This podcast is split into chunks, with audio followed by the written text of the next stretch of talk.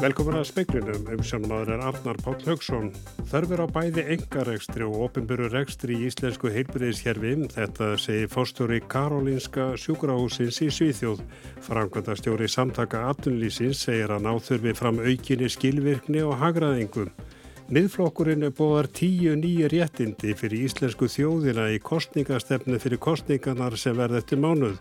Meðal þeirra er að verði ríkisjóður reiki með afgangi fái allir fullordnir íslenskir ríkisborgarar helming eh, afgangsins endurgreitan 1. desember á eftir. Verið er að þróa á framlega tugi ef ekki hundruð mótefnarlefja sem get, gefa má þeim sem að fá COVID-19 sjúkdóminn. Þetta segir yfirlagnir á ónæmisfræði deild landsbytalans. Samorkar telur einsýnt að ramma á ætlum tryggja ekki orguöryggi, hagfælt orguverðni heldur græna framtíð. Rætt verið við frangvaðastjóra Samorku í speiklinum. Björn Sóega, fórstjóri Karolinska sjúkrahúsins í Svíðjóð segir þörf, að þörf sé á bæði engarekstri og ofinbyrjurekstri í heilbríðiskerfinu íslenskan. Hann eh, segir tækifæri félast í að nýta lögum sjúkratryggingar. Heilbríðiskerfið var umfjöllunarefni fundar samtaka atvinnulífsins og samtaka verslunar og þjónustu í dag. Björn Sóega, fyrir um fórstjóri landsbytarnans, var gestur fundarins og talaði frá Svíðjóð. Hann sagði heilbríðiskerfið þurfa kvata. Við þurfum bæði á engar ekstri og ofnbjörn ekstra að halda. Ég held að þetta styði hvort við annað. Það verða að vera að gera kröfur á engar ekstri. Ég hef vanið tíum engar ekstrum hér í, í síðan það er að gera eða meiri kröfur á, á gæði og framlag heldur en, heldur en gera einu ofnbjörna.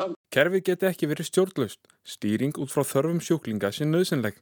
Björn sagði tækiveri til þess hér á landi að hugsa hilbriðiskerfið sem er heina hild og nýta lögum sjúkratryggingar. Tækifærin eru á Íslandi að, að nota lögin um sjúkratryggingar á þess að þurfa að fara út í ykkur að lagabreiting. Síðan er þetta alltaf spurningum um framkvæmdin á þeim. Þetta er spurningum um að sjá allt kerfið sem eina held. Saði Björn Sóika.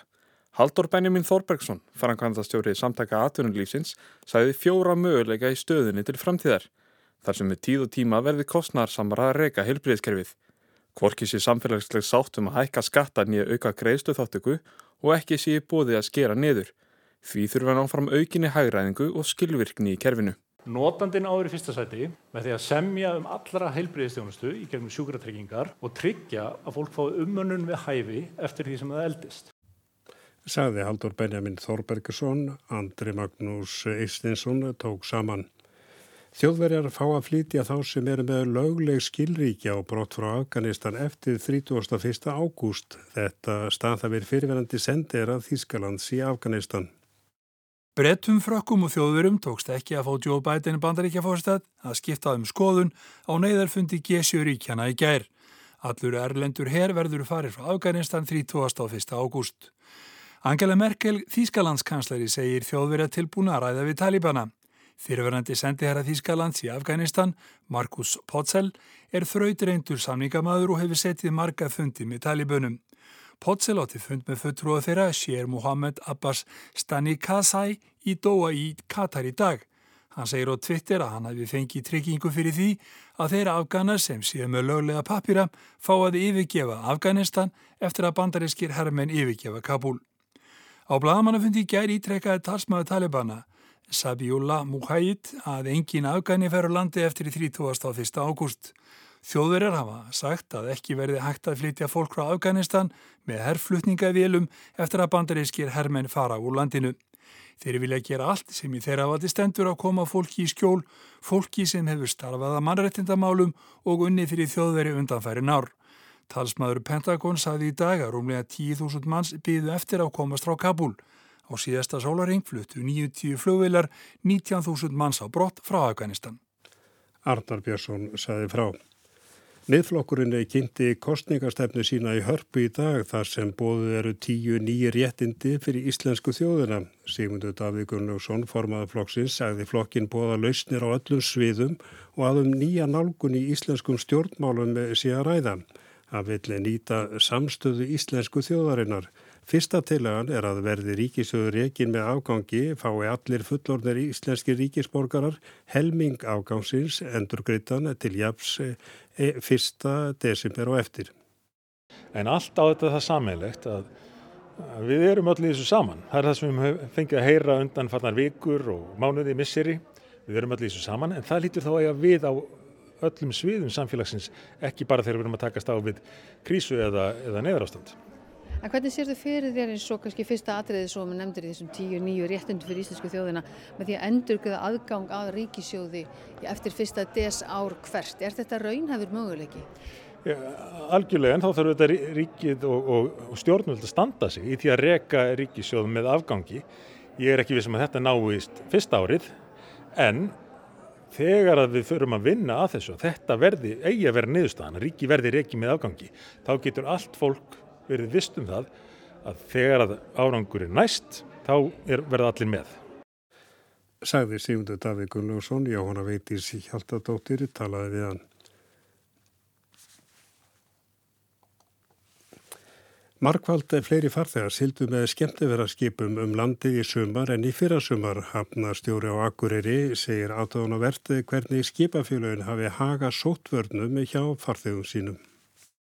Tæplega 90 skemmtifæraskip lögðu við hafnir Akureyrarbæjar í sumar. Það er umtalsverð fækkun á því sem var fyrir heims faraldur en Pétur Ólafsson, hafnarstjóri Hafnarsamfélags Norðurlands, segir í samanburðu við sumari 2020 sett að tala um spyrnu frá botninum. Það voru bara svo til enga komir fyrir. Við fengum ekkert skipin á Akureyri, við vorum með einhver 5-6 skip í, í Grímsjö og Hrísvið samtals. Við erum að sjá tekjur fara kannski úr, uh, úr svo til engu upp í 80 miljónir af skemmtifærskipum.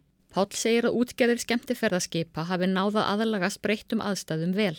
Flestir farþegar skemmtifærðarskipa komi gegnum Keflavík og farum borði Reykjavík, sigli hringin í kringum landið og fljúi síðan til síns heima. Sömu skemmtifærðarskipin séu því á Íslandi yfir sumarið og fari ring eftir ring. Pétur segir útgerðirnar greinilega hafa lært að lifa eins vel og hætti er með faraldrinum og umfang siklinga sé óðum að aukast. Hann segir að skipafjölögin hafi verið með mun strángara eftirlit með sínum farþegum og settir strángari sóttvarnarreglur en yfirvöld hér heima. Skipafjölum voru mikið að halda þeim í ákveðinu búblu og, og hafa svona kontról á þeim sem að flestum skipibónum voruð með rannsóknarstofum borð og voru að gera PCR-test bara á hverju minnast degi bæði áhöfn og farþegum og jafnvel voruð með rakningagræjur á hverjum farþega þannig að þeir vissu nákvæmlega hvað þeir voru ef að, ef að menn þurftu að grípa eitthvað inn í. Þetta var Pétur Ólásson, Anna Þorbjörg Jónasdóttir talaði við hann. Mannanafnanemnd hefur slaka á kröfum sem gerðar eru til nýra nafna. Tökunöfnu tel, teljast nú gjaldgeng þótt þessu rítuð með hætti sem týrkast í erlendu máli. Ekki nöysilegt að rítátturinn hafi að öðruleiti unni sér sess í íslensku máli. Glögt má ráða af nýlegum úrskurðum mannanafnanemndar að nemndin hefur breytt um stefnu. Í nýjastu að úrskurði hennar er að finna mýmörg samþyktnöfn með erlendri stafsendingu sem nemndin tekur gilda. Sara með tveimur aðum, Sara með hái, Charlie, Skylar, Tali, Octavius með sé og þarfram eftir göttum. Áður hefur nefndin hafnað fjölmörgum nöfnum fyrir þar sakir að innihalda erlendan bókstaf. Í lögum um mannanöfn frá árinu 1996 er að finna þær kröfur sem gerðar eru til nýra nafna. Nafn má ekki vera nafnafa til ama, það verður að taka íslenskri eignafallsendingu og það skal reytað í samræmi við almenna reytreglur nema hefð sér fyrir öðru. Skilgreining hefðar er vitarlega opinn til tólkunar og því setur nefndin sér vinnureglur. Í eldri reglum nefndarinnar var yngur miða við að hefð væri fyrir nafni ef nógu margir Íslendingar bæruða. En í nýjum reglum sem settar voru í júli er hort út í heim. Tökunafn telst nú einning hefðbundið ef reytátturinn er hefðbundin í öðrum máli en íslensku. Í raukstunningi nefndarinnar segir að frá því nefndi var sett á stopp hafi reynd mjög á tólkun hefðar. Bentir á að domstólar hafi gert nefndinni afturreka oftar en einu sinni og tali beitingur reglana ganga gegn öðrum lögum. Að teknu tilliti til þess telji nefndin að eldri reglur uppfylli ekki þær kröfur sem gera verður til matskendra stjórnvaldsákarana. Alexander Kristjánsson saði frá. Korki Aron Einar Gunnarsson í Gilvi Sigursson verða með landsliðin í fótbolta í leikjum liðsins í undankefni HM í næsta mánuði. Þrý leikir verða á laugadalsvelli í Sefniberg gegn Rúmeníu, Norður Makedóni og Þýskalandi. Aron Einar greindist með COVID-19 í æfingaferð með liðir sínu Al-Arabi og mál Gilva er enn til að rannsóknar hjá lauruglu í Manchester á Englandi. Arnar Þó Viðarsson, landslistjálfarinn, kynnti hópin í dag. Eh, hvað með Gil Ástór, hefur það verið einhverju sambandi við hann áður en valdir hópin í dag? Ég hef ekki heyrti Gilva, KSI hefur verið sambandi Gilva og hann er ekki í hópnum akkurat fyrir þennan glukka og við sjáum hvernig staðan verður í, í, í næsta mánu eða, mánu, eða nógumber eða, eða í framtíðin. Vistu, hver hjá KSI hefur verið sambandi við hann og þú sem já, þjálfari og yfirmæða knaspunumála, kom aldrei þig greina að þú myndir heyri honum? Ég veit alveg hver samband, hefur haft samband við hann og hans fólk en það bara skiptir svo sem einhver máli. Ég er að velja landslýshópin fyrir, fyrir septembergluggan og það er einu sem skiptir máli fyrir mig. Saði Arnaþór Viðarsson við Orra Frey Rúnarsson. Týjir ef ekki hundruðu mótefna livja sem gefa má þeim sem fá COVID-19 er í framleiðslum. Þetta segir Björn Rúnar Lúðíksson, yfirlagnir á ónæmisfræði deildi landsbítalans og prófessor við lagna deildi Háskóla Íslands. Mótefnalifin eru gerð úr blöndu af mótefnum og talað hefur verið um mótefna kokteila. Undanfarið hefur til dæmis verið fjallað um góðan árangur að lifi sem nefnist Reg-C sem framleitt er af livjafyrirtækinu Regeneron. En er það livjakokteilin sem margir eru farnir að kenna við Donald Trump fyrirverandi bandaríkjafósita? Ja, það ætla ég vona ekki en, en hann fekk einhvers konar svona uh, livjablöndu Við fórum nú að stað hérna með sjúklingin eh, á, á spítalanum sem gekk mjög eitthvað með var, var hansi lasin og það sem þessari meðferð var beitt, þessari nálgun, það sem við notuðum þá mótefni og það hefur gefið góða raun. Það sem hefur síðan komið í ljós eh, í þessum niðurstöðum sem eru núna farnar að byrtast er þá hvað svona liv sko gera, er, hvernig þau virka.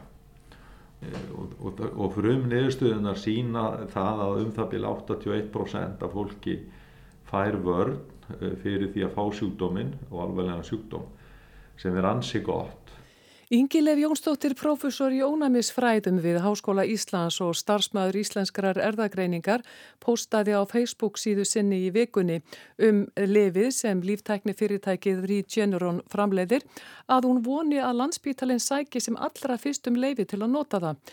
Lefið sé talið draga úr sjúkrásinnlögn vegna COVID-19 um alltaf 70% og gæti gagnast best þeim sem svara bólusetningu illa. Og hún er ekki einum að vera spennt fyrir lifinu því Rúna Högstóttir Kvandal, forstjóri Livjastofnunar, sagði í viðtali við vísi.is að Livjastofnun myndi samþykja notkun þessa mótefna livs ef landsbítalinn óskaði eftir að fá að nota það í meðferð sjúklinga með COVID-19. Livið fekk leifi í Breitlandi í síðustu viku. Sko, við höfum verið að nota eh, kannski ekki akkurat þetta lefins hanskona nálgunn Eh, í, í svona undantekninga tilvíkjum eh, það er ekki komið almennt, almennt þetta er ekki komið almenna nótkun vandin er sá að þetta lifi dýrt og, og eh, hversu dýrt það bara veit ég ekki, ég veit ekki verð, verðið á því. Þannig að, e, að það gæti orðið sko erfileikum bundið að fara að gefa þetta öllum sem er útsettir. E, en hins vegar erum er við þá þarna komið með liv sem við getum þá verið að gefa fólki sem er með léleg ónæmisvar og er útsett fyrir smiti eða þá er að sína sko, enginni smitunar og er að leggjast inn. Þannig að það er, er virðist vera mjög góður áranga við að og svo er AstraZeneca að koma búin að sækjum leifi fyrir samskonarleif sem er líka svona mótefna kokteilt blöndun sem sín, í þeirra rannsóð sínir fram á 77% verð þannig að, þannig að þetta eru þarna og, og við munum örgla frá fleiri sambarilegi lifa á markaði vandin hann er bara kostnaður. Eru sem sagt fleiri liv í framlegslu hvað, hvað eru mörg svona liv í framlegslu, er það vita? Mjög mörg. Þannig að e, það er einhverju tíir livja sko, ef ekki hundriðir sem eru núna í fasa 2 og 3 Eh, sem eru sko svona beinast á gegn sjúkdómnum sjálfum eh, fyrir utan öll sko bólefnin sem eru líka í, í, í, prófunum. Alþjóða heilbreyðistofnunin hefur hrundið af stað stóru alþjóðlegu átæki sem gengur undir nafninu Solidarity Plus. 200 lönd taka þátt í því og meðal þeirra eru finnar. Verkefni snýstum að rannsaka virkni þryggja nýra livja. Evrópska livjastofnunin og svo bandaríska hafa gefið út leifi fyrir eldri livjum eins og til dæmis remdesivir sem notuð hafa verið við sjúkdómnum.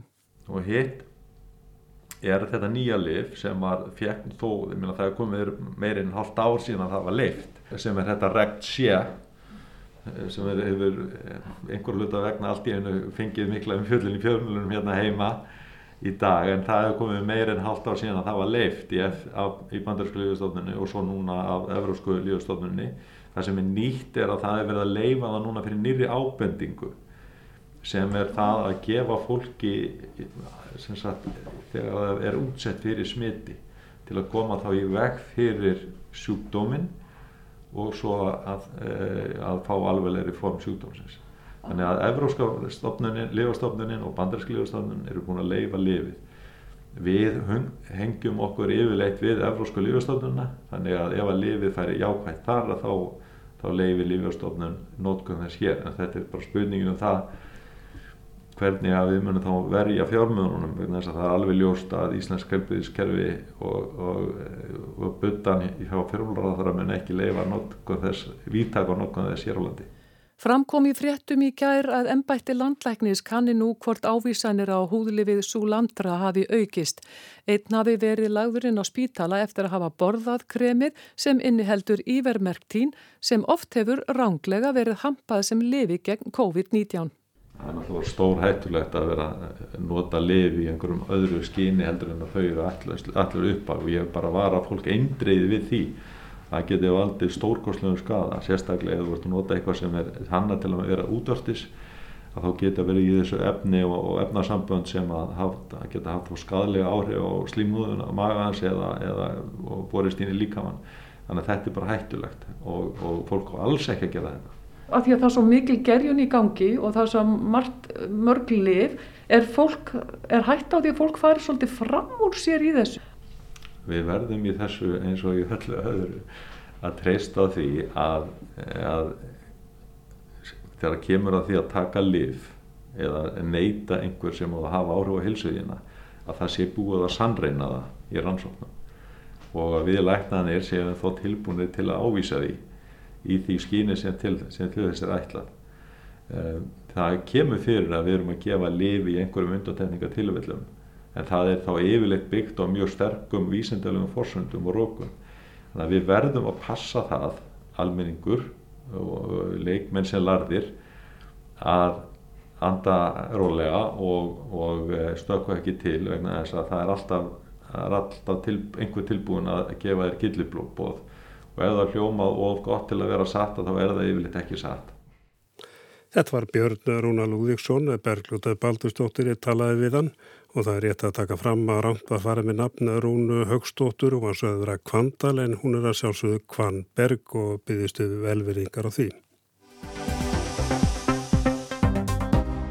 Samorka samtök orku og veitufyrirtækja telur einsýnt að rammáætlun sé ekki að tryggja orkuöryggi, hagfælt orkuverð en ég heldur að tryggja græna framtíð. Samtökin emdi í dag til fundar í aðdraganda alþingiskostninga sem bara yfirskriftina tölum um græna framtíð. Páll Erland, framkvæmdarstjóri Samorku, segir það ekki viðunandi að nú séu liðin tíu ár frá því að síðasta rammáallun var samþygt á alþingi. Samþögin leggja ekki fram ákveðna tilugur um hvað eigi að taka við að rammáallun, þar sé alþingis að ákveða það. Kerfið verða að vera skýrt og skilvirt. Við höfum dreyist að afgreða þriðja áfanga rammáallunar þó að Þingsáluntuna til að hafi þrývegis verið lög fram á alþingi. Samtökinn gaggrína að markvið sé unni að því að takmarka orkunýtingu á sífælt starri svæðum án þess að svara því hvaðan græn orka vegna orkuskiptana eigi að koma. Áallega er að þurfi 300 megavött vegna orkuskipta í samgöngum, um 1200 megavött þurfi vegna orkuskipta á landi, lofti og sjó og enn meira þurfi vegna orkurskipta í millilanda samgöngum. En er það mat samtakana að það sé að tapast tími og að það þurfa að brettu bermar þegar að kemur að orkuframleyslunni? Pál Erland er framkvæmtastjóri samorku. Það er þannig að þegar við horfum á orku og veitumálinn í stórmyndinni þá er líkillin þar auðvitað orku öryggi og orku öryggi er á tíma. Þar auki þurfum við að horfa á græn tækifæri sem að uh, liggja í loftinu á Íslandi vegna þess, þeirra góðu stöðu sem við erum í. Og mikilvægin í tengslum við lofslagsmálinn uh, setja þau á dagskrá núna. Og þess vegna eru við að leggja inn í umræðuna uh, tækifæri sem snúa grænni framtíð. Hvað er það sem að já, tefur fyrir eða hvað, er eitthvað að hverju viljið breyta? Við viljum fyrst og fremst að þessi stóru mál séu rætt vegna þess að þetta eru líkil málaflokkar í landinu og að það sé góð lagaumgjörð utanum þessi mál skiptir öllu máli til þess að þessi orku og veitufyrirtæki geti sint sinni grunnþjónustu í þáu heimila og atvinnlýsum all land Þið gaggrinnið rammavætlun, hún var tilbúin 2016 og hefur ekki enn farið í gegnum eh, þingið og það er ymsið gaggrínt hana. Þið viljið eitthvað annað en það er svolítið óljóst eh, hvaða tæki þið viljið að taki við af rammavætlun. Rammavætlun er það fyrirkomulag sem að nota þeir til þess að alþingi geti tekið ákvörðun um hvaða orkuðulindir eigi að nýta í þáu þjóðarinnar og hverjar ekki og þær eru þá friðar til allara framtíðar. Það skiptir því gríðarlega miklu máli að hér séum að ræða faglegt en líka skilvirt ferli vegna þess að uh, eftirspurna eftir græna orku fyrir heimilu og fyrirtæki er sífælt að aukast og þetta varðar þá orkuöryggi og lífsgæði, uh, hagfælda uh, orkuverð og í rauninni bara lofslagsmálinn. En við búum við það núna að það eru tíu ár síðan að síðasta rammaöllun var samþygt og síðan þá hafa þrýr umhverfisráðherrar á mismunandi árum lagt fyrir alþengi rammaöllun þrjú uh, sem hefur ekki treyst sér til þess að samþykja það. Og á meðan þá teljum við þá orðið einsýnt að þetta fyrirkomulag er ekki að tryggja okkur orkuður ekki hagfælt orkuverð eða tryggja okkur græna framtíð. Ég spyr hvaða kerfi viljið að taki við af þessu kerfi sem þið segja að sé ekki að virka? Hvað getur virka? Það eru bara einsir eh, faglegir ágallar á þessu fyrirkomulegi eins og það er í dag. Því var breytt í kringum árið 2011 og uh, hugsanlega er það, hafið svo breyting áhrif á það að alþengi virist ekki treysta sér til þess að vinna eftir henni. Þannig að við erum ekki að koma fram með einhverjar einarðar skoðanir á hvernig kerfið er að vera. Það er alþengis að ákveða það. Við hins vegar berum uh, ákveðið hlutverk í orkuöryggi uh, þjóðarinnar og þeirri opnun sem að græn orka gefur þjóðinni á efnaðarslegum lífsgæðum og, og störfum fyrir utan það að vera líkillin að loslasmálum og þess vegna eru við að knýja á að eitthvað sé gert í þessum máli. Þannig að skilabóðum til ykkar er að ja, rammavætlun sé ónýtt í kerfi og að stjórnmálamenn þurfa að taka til í til þess og móta eitthvað nýtt kerfi. Já, það er allavega þannig að eh, fyrirkomulegið eins og það er í dag er augljóslega ekki virkjað, það sjá það allir með við tafirna sem eru og ímsa faglega ágalla, til dæmis það að í rammaðullum þrjú er ekki hort á efnaðarslega eða samfélagslega þætti þegar ákvarðin eru laðar til mats. Þannig að það eru þarna stóri ragnúar sem að mikilvægt er að laga og við í rauninni tölum svona reynd út vegna þess að það þarf eflust eitthvað mikið að gerast ef að það á að uh, bæta úr. En getur maður sagt að ja, þessi tvö ár, þriðja áfangar áallunar sé farið að standa orkuframleyslu fyrir þrefum. Vendur hér á fundunum í dag á að ja, það þarf 300 megavött vegna orkusýta í samgöngum og 1200 megavött ef allt er talið með. Menn þurfum að hafa hraðan á. Það sem skiptir máli fyrir þjóðina er að við séum með plan og að við sjáum fyrir eins og hægt er hvaðan græna orka fyrir fólk og fyrirtæki að koma núna og fyrir næstu kynsluðir og það þarf að gerast strax. Nú er það þannig að því gaggrinni líka eða í að því að eh, það þurfa að ja, fara varlega þegar að kemur að vendun landsvæða. Nú veitum við að að eh, hálendis þjóðgarðurinn var ekki afgreittur en ótti því það að það þrengi já, mjög að orguframleyslu með því að vernda land. Það sem að blasir við er að vaksandi samfélag þarf sífælt meiri orku hér eins og í öðrum löndum og við þurfum að tryggja nýja orku inn á kerfið fyrir heimili og, og atvinni í landinu og núna ekki síst fyrir lofslagsmálinn og sérstaklega ef það var að hraða orkuskiptum. Og það sem við erum að benda á er að það er að vera að taka mjög stórar ákvarðinir um að útiloka græna orkunýtingu þjóðarinnar á sífælt stærra landsvæði sem jáfnframt er ríkt af orkulindum án þess að hort sé til þess hvernig reyna orskan sem að uh, þjóðin þarf á að halda eigi að, uh, að vinnast og hvaðan hún eigi að koma og það er stóra ábendingin okkar og, og, og mikilvæg snýr þá að því að því sé svarað áður en að stórar ákvarðanir um útilokun grænar orkunýtingar síðu teknar þá sé búið að svara því hvaðan reyna orkan fyrir samfélagið er að koma. Þó að sýtt alveg reyna orku þá get, get, getur já, virk skada náttúrun eða svo márið komast að þetta er, þetta er umdeilt og þetta er ekki alveg einfalt mál. Sjáu þið fyrir ykkur að, að, að, að það nái sættir um það sem stendur eða þið vilja virkja? Sko, máli snýr í rauninni bara því að orku og veitufyrirtækin hafa það hlutverk að tryggja orkuöryggi í landinu og nægt frambúð að grætni orku að hafkomu verði. Það er viðfangsefni sem að stjórnvöld hvers tíma þurfa að glíma við og það er alveg ljóst að þetta eru stórar ákvarðinir að báða að búa og uh, samorka talar auðvitað með umhverfisvend en hún hefur líka uh, vittnesku um þörfina sem að snýr að orkuðuríkinu og, og þessari þörf sem blasir við okkur fyrir aukna græna orku og þess vegna erum við að benda á það að það þarf að horfa þetta í hildarsamhengi og allar ákvarðin sem eru teknar þurfa að vera teknar með heildar hæsmunni í hug. Jarðefna elsneitis laust Ísland, hvenar verður það og hvað þarf til þess að það gerist? Það, við búum svo vel í rauninni vegna ákvarðina fyrra kynsluðum að nýta hér græna orkulindir þjóðarinnar og byggja upp öfluga græna innviði að 85% af allir orku sem við notum er græn.